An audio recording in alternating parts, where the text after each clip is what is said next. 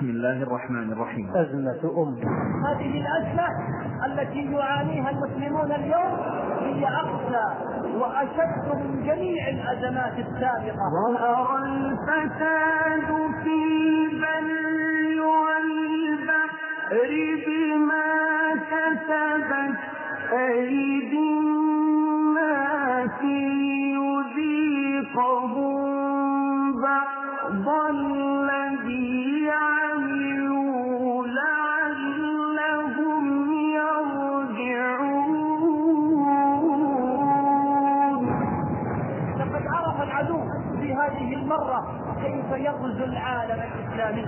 لم يستخدم في هذه المرة الدبابات ولا قاذفات القارات.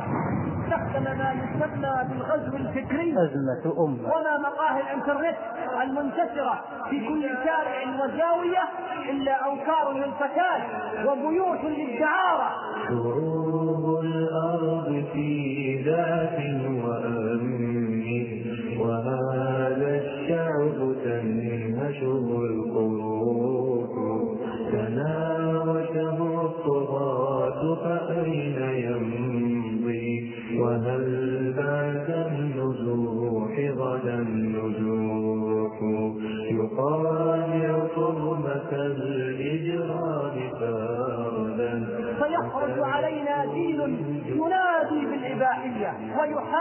الفضيلة أزمة أمة وصار أبناء البلد أزمة. هم الذين أزمة. يحاربون الدين والخلق والفضيلة أزمة. من الذي يكتب أزمة. ويطالب مثلا أزمة. بعمل المرأة أزمة. من الذي يطالب أزمة. بفتح أندية رياضية للنساء أزمة. أهم اليهود أزمة. أهم النصارى أزمة. الجواب لا أزمة أمة إنهم ممن يدعي الإسلام بل وتحت مظلة الإسلام يحارب الدين وأهله لقد نجح العدو في هذه المرة لأن جعل أبناء البلد هم الذين يتكلمون بلسانه ويعبرون عما يريد وتحت لافتة في ظل الضوابط الشرعية.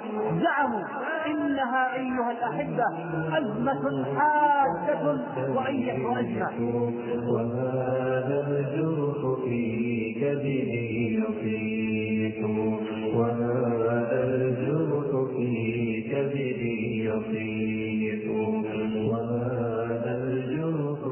تسجيلات الهجرة الإسلامية بالخبر. تقدم أزمة أمة. لفضيلة الشيخ ناصر الأحمد. إن الحمد لله نحمده ونستعينه ونستغفره.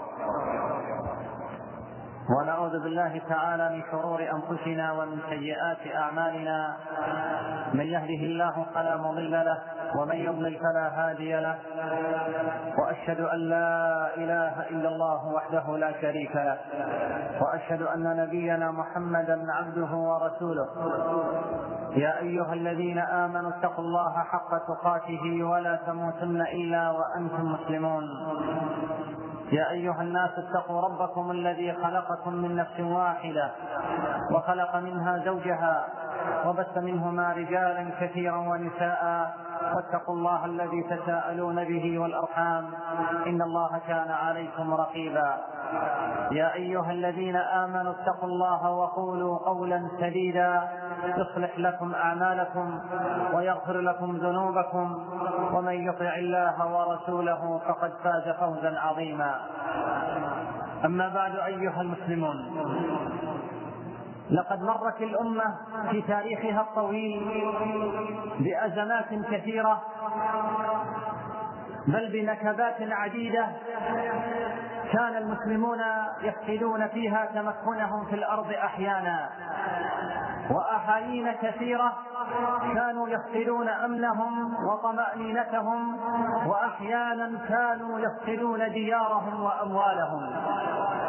وهكذا الفتن والمصائب والنكبات يا عباد الله إذا نزلت بالأمم وحلت بالشعوب لكن الأمة الإسلامية مع ما سبق ذكره لم تمر بتجربة أقسى ولا وضع مؤلم ولا واقع مكين من تجربتها ووضعها وواقعها الحالي فإنا لله وإنا إليه راجعون.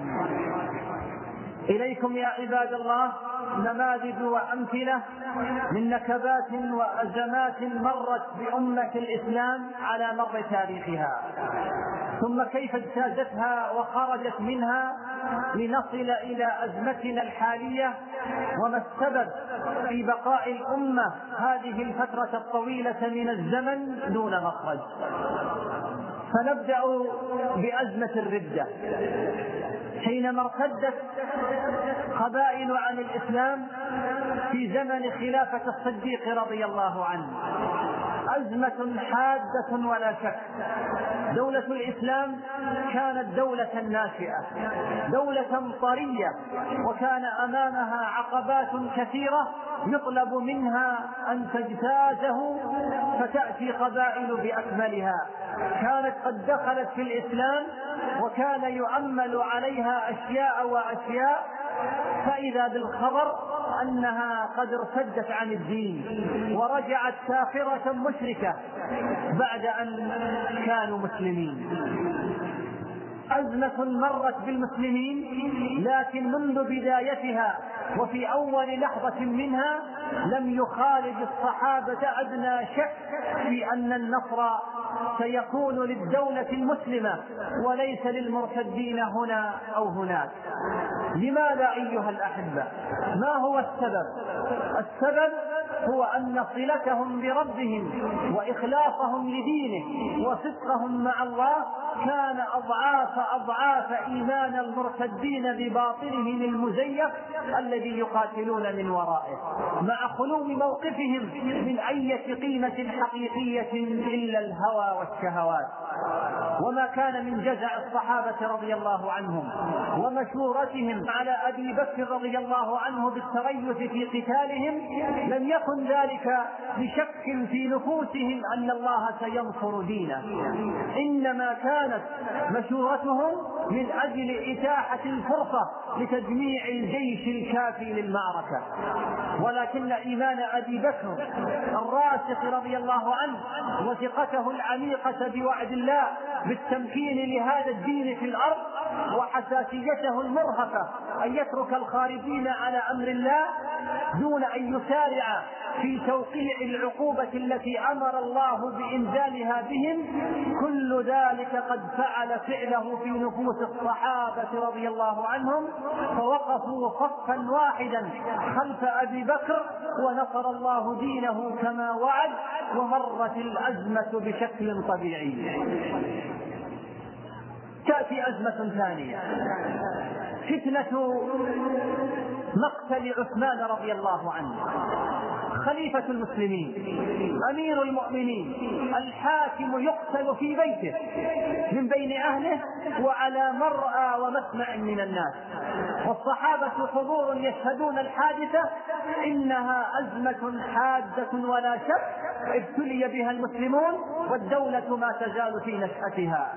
وعداوات الأرض قائمة من حولها لكن الناظر إلى مجريات الأمور يومئذ يرى أن هذه الأزمة أيضا مر ولم يحصل شرخ في الدولة ما السبب؟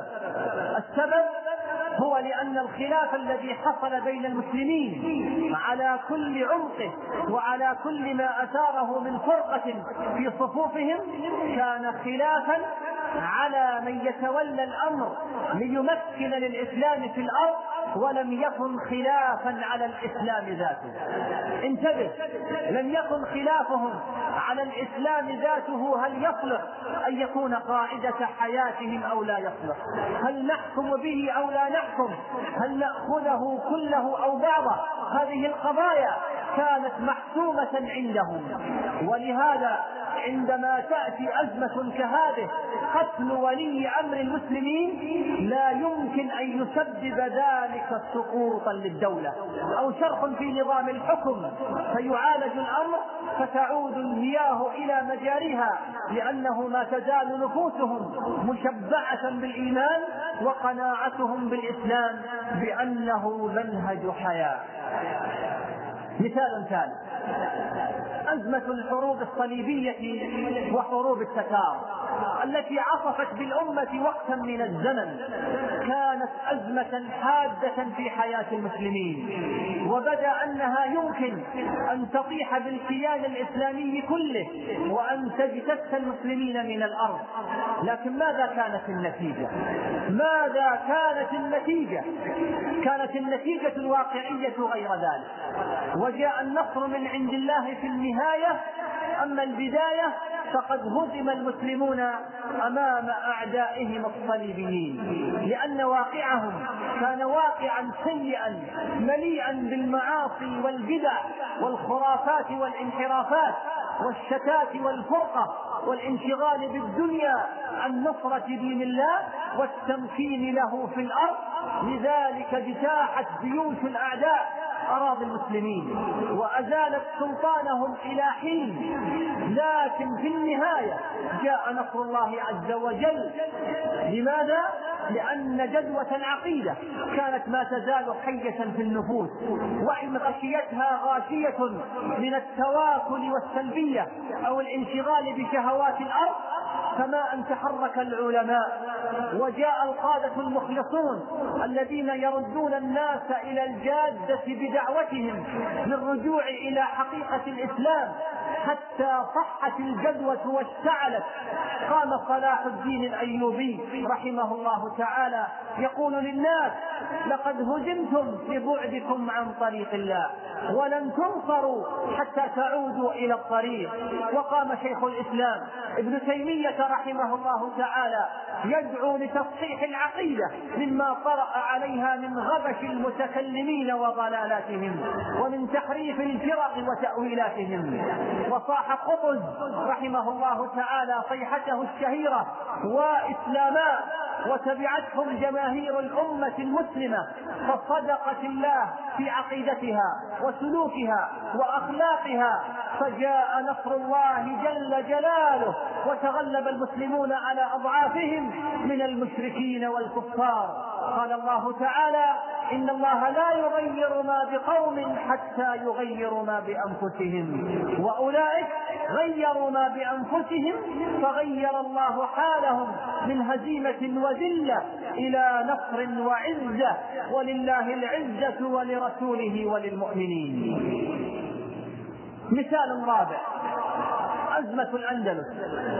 أقام المسلمون دولة في أرض الأندلس ظهرت الشرق والغرب حيرت القريب والبعيد في منجزاتها وحضارتها وإدارتها لكن ما هي إلا سنوات وتسقط هذه الدولة عقابا ربانيا للمسلمين على تفرقهم في نهاية الأمر وتشتتهم وحرب بعضهم لبعض بل وتعاونهم مع أعدائهم من الصليبيين ضد بعضهم البعض واتخاذ أولئك الأعداء الكفار بطانة من دون المؤمنين مخالفة لأمر الله جل وعز.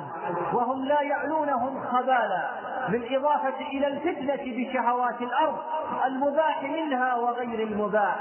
ومن عقوبة الله جل وتعالى أن الأندلس لم تعد إلى حظيرة الإسلام.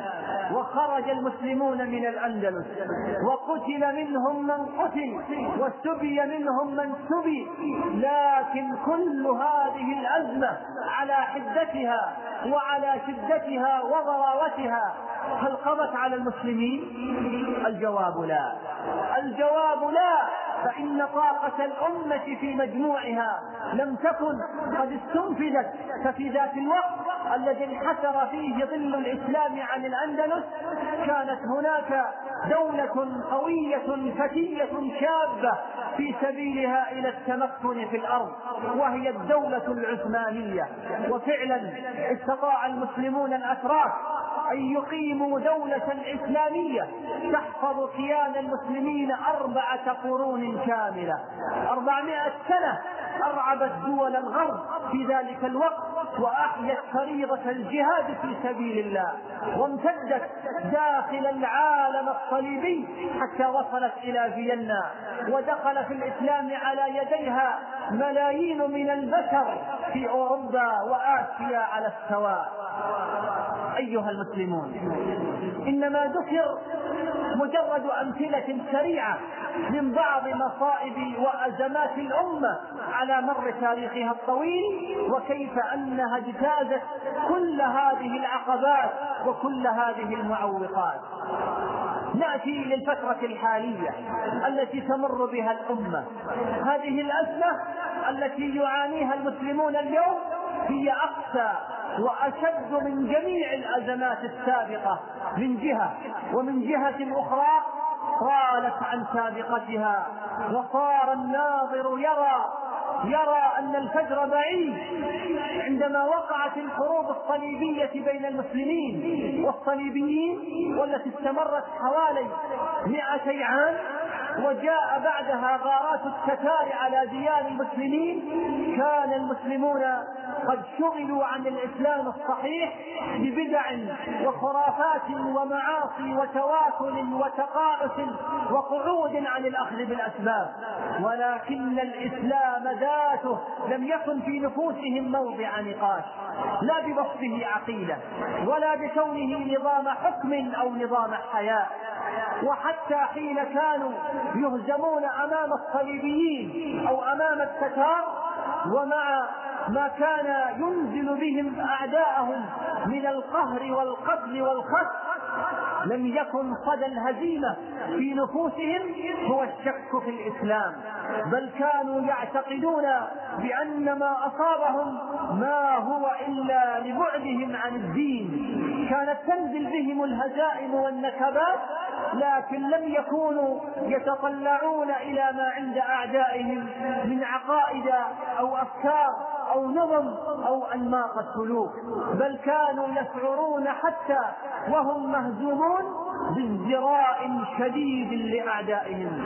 كان التتار في حسهم همجا لا دين لهم ولا حضارة.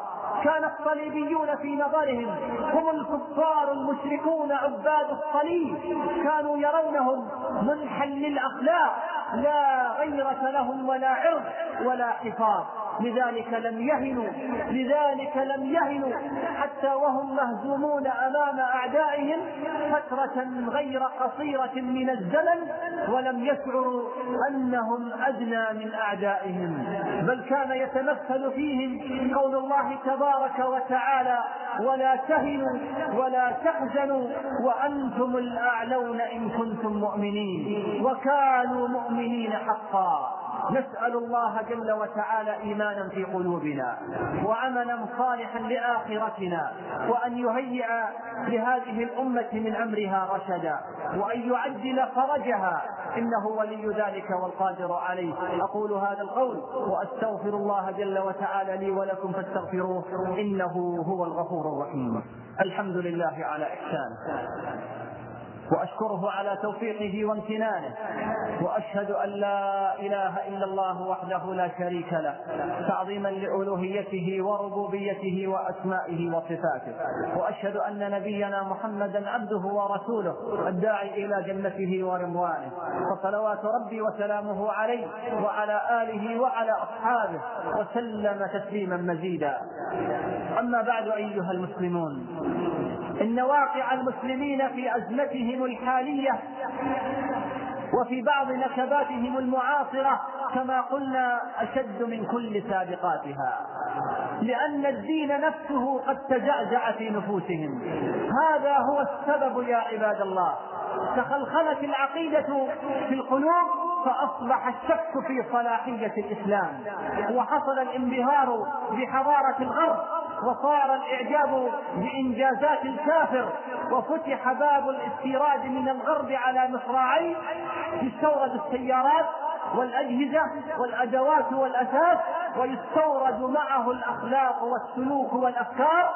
بل وحتى العقائد ونظم الحكم والتشريع فأصبح هناك فأصبح هناك مسافات بعيدة جدا بين الإسلام الصحيح وبين واقع المسلمين. عبادات الناس قد تغيرت أخلاقهم تغير سلوكهم تغير بل دينهم تغير والعياذ بالله. خلت حياة الناس من الروح وأصبحت الحياة كلها تقاليد موروثة يحافظ عليها من أجل أنها تقاليد لا من أجل أنه دين. فالعبادة تقاليد والسلوك تقاليد وحجاب المرأة الذي صار كل يوم يتقلف تقاليد. وقضية العرض في بعض المجتمعات أيضا أصبح تقاليد. لقد عرف العدو في هذه المرة كيف يغزو العالم الإسلامي. لم يستخدم في هذه المرة الدبابات ولا قاذفات القارات. استخدم ما يسمى بالغزو الفكري. ترك الغزو الفضائي والغزو البري وأحكم قبضته على العالم الإسلامي بالغزو الفكري. وهو أن يسلط على المسلمين فكره وخلقه وسلوكه. الغزو الفكري أن يقتنع المسلمون وأن يقنع مجتمعات المسلمين بكل ما لديه. الغزو الفكري أن يجعلك تنظر للغرب بانه هو الأعلى وأنه هو الأكمل وأن ما عنده هو الأحسن. وتشعر في قرارة نفسك بالذلة والمهانة. فإذا ما حصل هذا وقد حصل كل هذا وأكثر من ذلك مع كل أسف سلم المسلمون ديارهم وأموالهم للغرب يلعبون فيه كيفما شاءوا ويأخذون ما شاءوا دون حسيب ولا رقيب. وصارت خيرات هذه الأمة تستنزف لتصب في جيوب وبطون أعدائها. وهل توصل الغرب يا عباد الله إلى ما توصل إليه في يوم وليلة؟ بالتأكيد أنه لا. لكن الأهم من هذا معرفة بعض طرقه التي استخدمها للتوصل لمراده. من هذه الطرق والوسائل أنه سلط على العالم الإسلامي إعلاما متكاملا مقروءا ومسموعا ومشاهدا وكله يصب في قناة واحدة. تقبل فكر وخلق وسلوك الغرب. وإظهاره بمظهر الافضل وانتقاص كل ما له تعلق بالدين من جهة أخرى. مرة عبر مقالة لمن يهوى القراءة ومرة عبر أغنية لمن يهوى الاستماع ومرة بل ومرات عبر تمثيليات ومسرحيات ساقطة يقوم على العشق والحب والغرام. يهدم أخلاق وقيم الإسلام في نفوس الناشئة الذين يتلقون هذا السيل الجارف. ومع كل ما خرب وهدم ودمر الغرب في ديار المسلمين لم يقتنع بعد وصار بعد كل فترة يخرج لنا بجديد لإيصال نتنه وزبالة فكره وخلقه لمجتمعات المسلمين. فخرج علينا في السنوات الأخيرة بهذه الأطباع التي وضعها عدد غير قليل من المسلمين فوق بيوتهم إعجابا بها وانبهارا لما تنقله وتدخله في كل بيت. فأصبح الغرب وهو في مكانه وعبر هذه القنوات يدخل في بيوت المسلمين ما يشاء من فكر وخلق وسلوك ودين لا يمر على رقابة إعلامية ولا غير إعلامية. ويربي كل من في هذه البيوت التربية التي يريدها. واليوم جاءت شبكات الإنترنت بالإباحية والعري الفارغ. وقد بلغ عدد المواقع الإباحية على هذه الشبكة أكثر من نصف مليون موقع أكثر من نصفها تهتم بالشذوذ والعياذ بالله. إن هذه الشبكات بوضعها الحالي تمثل خطرا داهما على دين الأمة وعقيدتها وأخلاقها وعاداتها. وما مقاهي الإنترنت المنتشرة في كل شارع وزاوية إلا أوكار للفساد وبيوت للدعارة فتأملوا إلى أي حد وصل بعض التجار النفعيين عندنا حتى بدأوا يتاجرون بدين الأمة وأخلاق شبابها بل وشاباتها. وأظن أن بعض أولياء الأمور لا يعلمون بأن هناك عددا من المشاغل النسائية بدأت بتجهيز غرفة خاصة لمن تريد أن تستخدم شبكة الإنترنت. وأصبحت المشاغل أشبه ما تكون بالمنتديات لتجميع الفتيات. والأب يظن أنها ذهبت من مشغل من أجل إصلاح ملابسها ولم يعلم أنها ذهبت لتذبح أخلاقها وأن تقتل حياءها. أيها المسلمون وإذا كانت شبكات الإنترنت تشكل خطرا أخلاقيا على المجتمعات الكافرة الإباحية فما بالك بمجتمعاتنا؟ ففي أمريكا تقول إحصائياتهم أن نسبة سبعين في المئة من مستخدمي هذه الشبكات يستخدمونها لأغراض جنسية. هذا وهم في مجتمع متفسخ يجدون الجنس في شوارعهم وفي واقع حياتهم أكثر من وجوده على الشبكة. فما هي النسبة المتوقعة في مثل مجتمعاتنا؟ أيها المسلمون يتوقع إن لم يتغمدنا الله جل وتعالى بلطفه وبرحمته أنه في خلال سنوات قليلة يتم غسل أدمغة شباب وشابات الأمة من أبناء المسلمين غسيلا فكريا كاملا يعجبون بكل ما عند الغرب. وتربيهم هذه الدسوس وهذه الشبكات على قلة الحياء وضعف الخلق واللامبالاة ويحرك فيهم الغرائز الجنسية.